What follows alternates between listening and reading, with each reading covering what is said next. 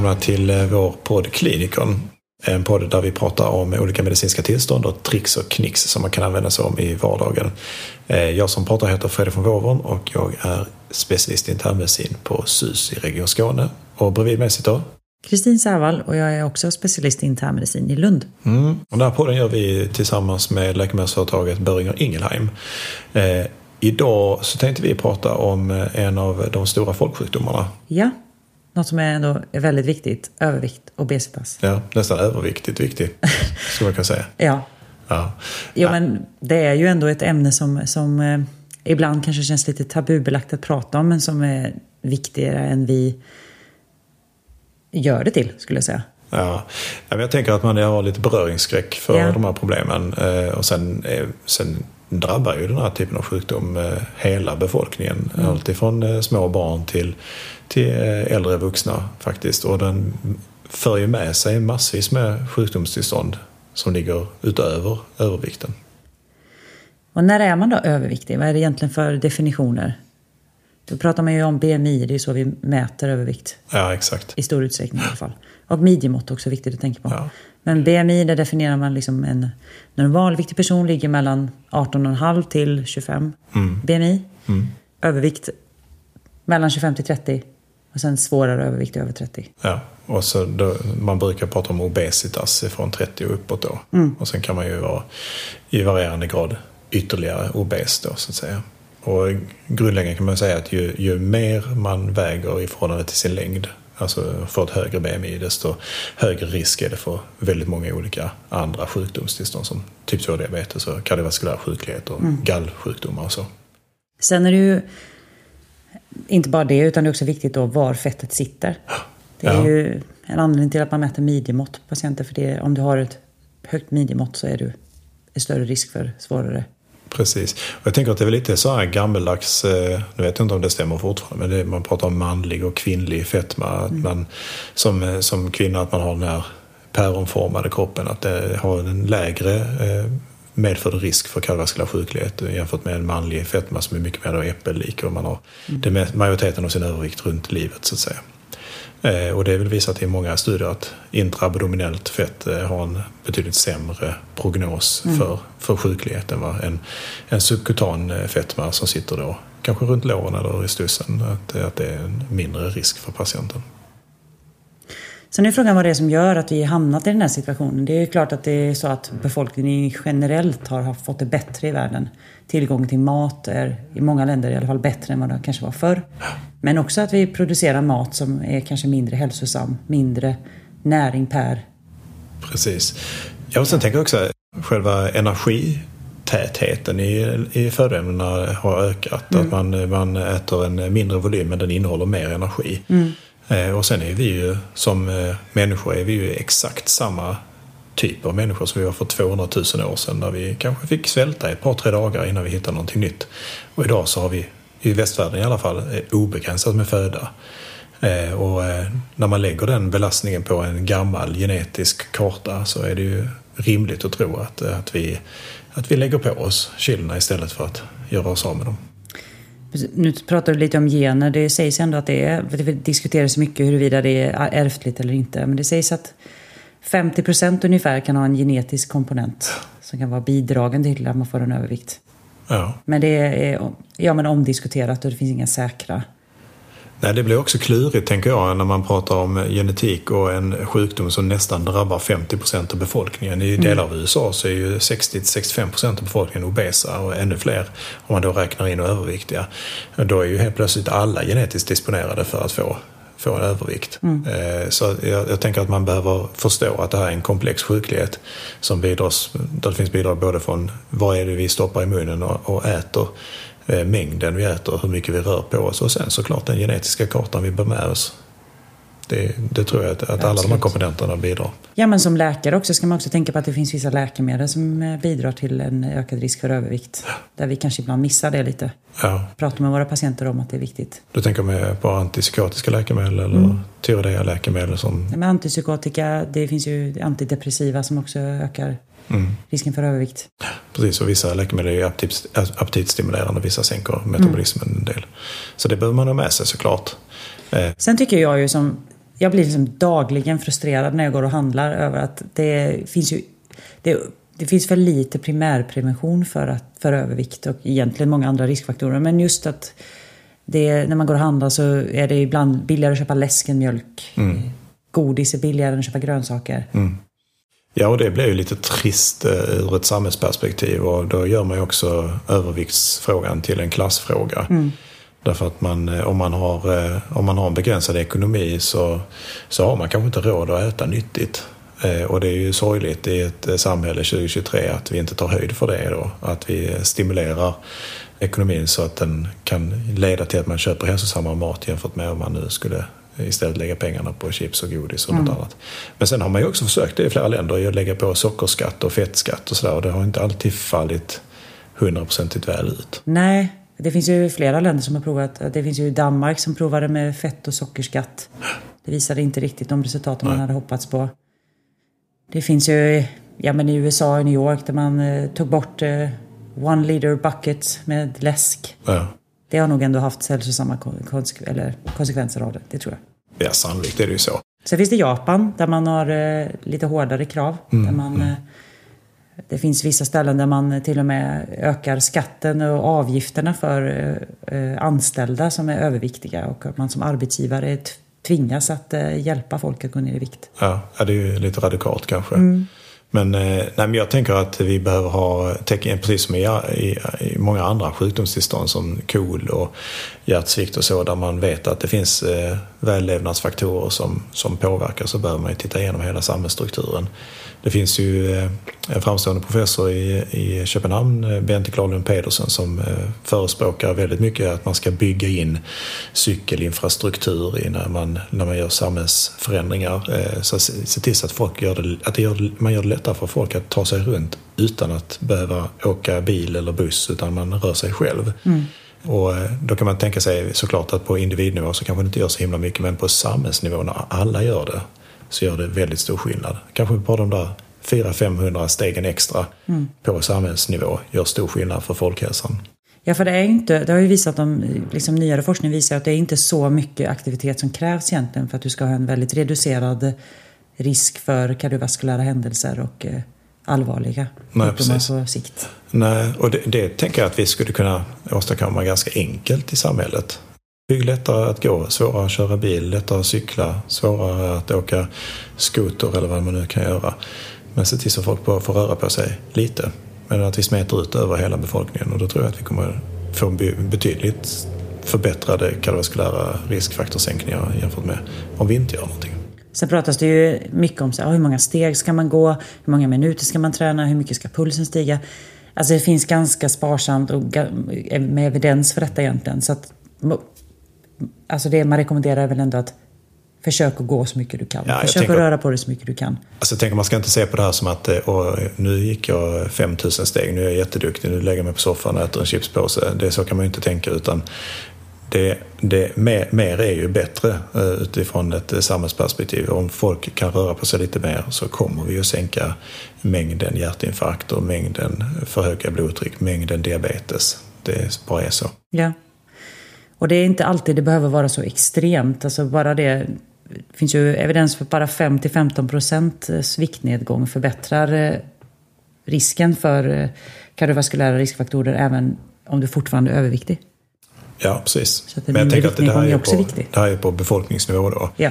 Så att man kan ju inte räkna hem det som om jag och Fredrik sitter här och tänker att nu, nu gick jag ner 5% i vikt. Då har jag räknat hem min riskreduktion. Så funkar det inte riktigt utan det är ju med alla människor i samhället mm. som tillsammans hjälps åt för att skapa detta.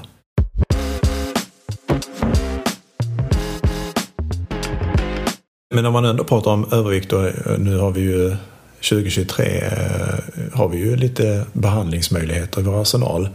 Jag tänker att eh, vi har redan avhandlat här att det, det bästa är ju att aldrig bli överviktig. Ja. Och där behöver vi ju hjälpas åt. Vad är det egentligen då? För, liksom, för det har vi faktiskt inte pratat så mycket om. Vad är det? Vi sa typ 2-diabetes, det är högt blodtryck. Vad är det annars för saker man ska vara orolig för om man är överviktig? Ja, Sömnapné? Ja, som absolut. kan leda till förmaksflimmer. Störd sömn. Eh, vi har också en betydligt ökad risk, det kanske man inte tänker på, men en betydligt ökad risk för gallstensanfall. Eh, som, Infertilitet. Ja, Och sen är det också ledproblem, mm. eh, minskad rörlighets, rörlighetsförmåga, smärttillstånd, depression. Eh, det finns väldigt många saker som är associerade till, till eh, förhöjd vikt. Mm. Sen betyder inte det att alla som är överviktiga drabbas av det här men på, på gruppnivå så är det ju en mycket, mycket tydlig riskökning att vara överviktig. Ja. Så nu har vi varit inne på ja, men kost, det vet vi, det är viktigt. Du ska äta bra mat, ja. motionera. Men en av anledningarna till att vi faktiskt ville prata om det just nu också, för att just nu är det ju väldigt eh, nästan hypat inne att använda läkemedel för att gå ner i Precis. Ja, och det drivs ju på av eh, Kardashians och andra kändisar i, i Nordamerika som, Precis. som ska vara lite fina på stranden och ta då läkemedel som tidigare syftade till att behandla diabetes typ mm. 2.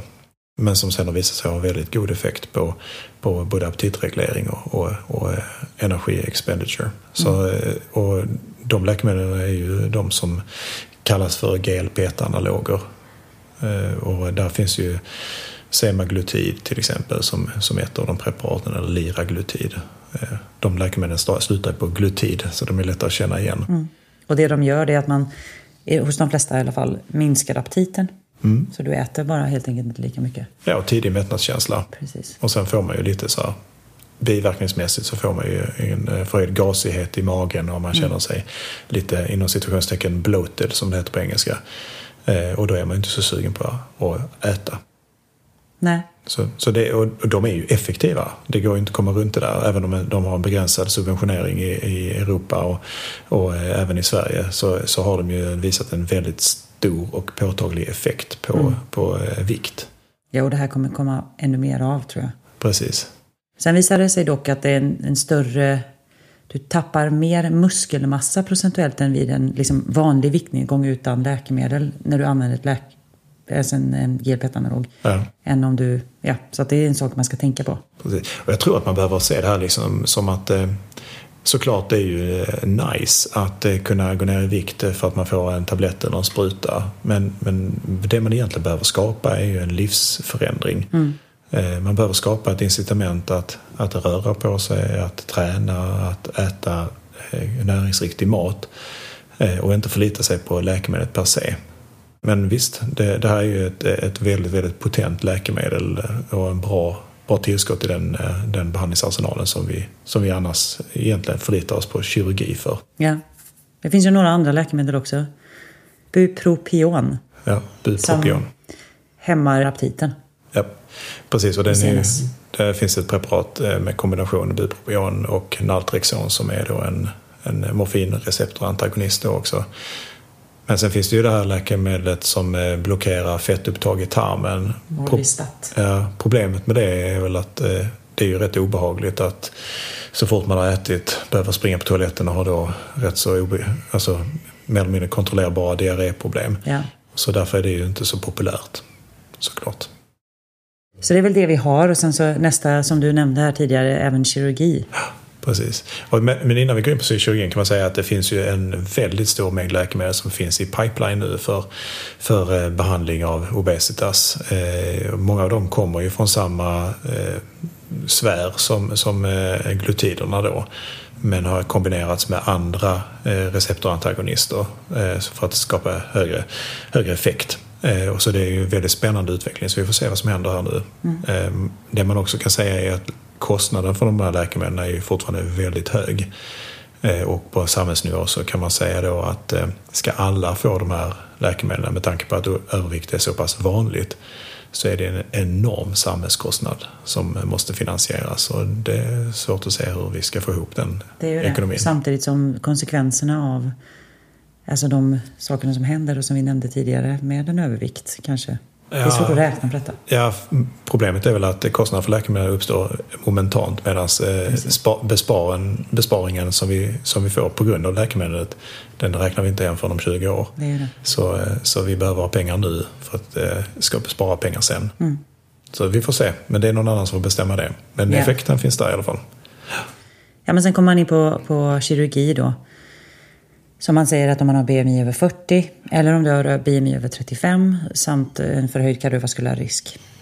Precis. Så rekommenderar man ändå en, bukkirurgi. Då är det allt, alltså gastric bypass som är den vanligaste i Sverige. Det finns även gastric sleeve. Det har funnits något som heter gastric ba- banding tidigare. Men det är väl framförallt gastric bypass som används i Sverige. Precis, och den tekniken har väl förvinats eh, de sista 20 åren där man initialt hade lite kirurgiska komplikationer med, med eh, i varierande grad eh, tätslutande sleeves och, så. Man kunde få pro- protrusion av tarm genom olika öppningar i, i buken och så. Men, men där har man blivit bättre och bättre och man, den kirurgiska komplex, komplikationsfrekvensen är väl betydligt mindre nu än tidigare. Även om du, det finns en ändå, ändå betydande, tycker jag, procentuell eh, alltså, mängd som får eh, allvarliga komplikationer med mal malnutrition, ehm, Ja, kanske anastomosläckage. ja. Men jag tror att ja, vi vet kanske inte heller riktigt konsekvenserna av det här på lång sikt än. Nej, men man kan säga så här att eh, i Sverige så har man varit duktig på att ha register för att eh, följa de här patienterna och 2020 publicerades det en uppföljning i New England Journal of Medicine för de svenska patienterna, en 20-årsuppföljning. Eh, Och då såg man ju att de patienterna som hade blivit opererade hade en betydligt min, eh, minskad mortalitet jämfört med patienter i kontrollgruppen som inte blivit op- opererade, som också följdes över 20 år. Så sammantaget så, så är det fortfarande efter 20 år fördelaktigt att vara opererad jämfört med de som inte blir opererade. Det är också för att det, som, som man inte riktigt vet varför än, men som att till exempel diabetes försvinner under några år. Ja, Sen kommer det tillbaka. Men om du ändå har Kan det, 10-15 år där du inte har diabetes så minskar också risken för komplikationer till diabetes. Ja, men såklart. Eh, Jag tänker att eh, tiden man är exponerad har någon form av effekt för risken för allvarlig komplikation. Så att, eh, jag, jag tänker att, eh, att eh, kirurgi är fortsatt eh, en väldigt effektiv metod för att behandla övervikt och obesitas. Eh, Sen är det ju som alltid befäst med komplikationer. Och, och en, du har nämnt eh, malnutrition och, och vitaminbrist och sådär. Men det finns också en ökad risk för, för beroendesjukdomar, inte minst hos kvinnor, att eh, man blir alkoholberoende och så. Därför att man tar bort det, magsäckens eh, alkoholdehydrogenas eh, i, med kirurgiska metoder. Och då kan man få en, ö- en ökad arousal för sitt alkoholintag. Och, och det, den risken finns när man har opererat i buken. Ja, men med det sagt, om vi ska summera detta så är det ju ändå vi, ett, ja, men ett ämne som man ändå bör prata om. Det är viktigt för samhället, det är viktigt för varje individ. Jag tycker också att man ska vara lite upplyft här på slutet ändå. Alltså, det är en, detta rör sig om en patientgrupp som är i tilltagande... I, känner att det är så tungt. Ja, precis. Nej, men det, det, de, de är tilltagande i antal. Patienterna är stigmatiserade. Det är jobbigt att ta sig ur den här situationen. Och eh, jag tycker att det är väldigt upplyftande att vi har läkemedel på gång in som är effektiva med förhållandevis få biverkningar och där man kan få patienter compliant att också under en period gå ner i vikt och sen skapa förutsättningar för en, en livsstilsförändring. Det tycker jag är superbra. Absolut, men också det att bara att det att man låter ämnet vara accepterat att prata om. Precis. Det gör också att det blir mer fokus på det och att man kanske kan förkorta väntetider på våra obesitasmottagningar så, som tyvärr just idag är väldigt långa. Ja, absolut. Ja, och, och det finns ju eh, nationella behandlingsriktlinjer från Socialstyrelsen och, och från, från andra instanser för hur man kan både starta och driva sina obesitasmottagningar. Och då, då ska man inte bara stirra sig blind på kirurgi och läkemedel utan det finns andra, andra insatser man kan göra som, som eh, nutrition, eh, psykologiskt stöd etc. Eh, så jag tänker att det finns en, en ganska ljus framtid för de här patienterna. Så det är bra. Det är bra. Ja, kanon. Ja, Så med det sagt, ska vi avrunda här då? Eller? ja det tänker jag. Ja. Ta en pizza. Ja, men alltså, ibland är det gott med pizza. Det är det. Ja. Då säger vi tack för idag. Ja. Ha det bra. Vi ses. Hej då.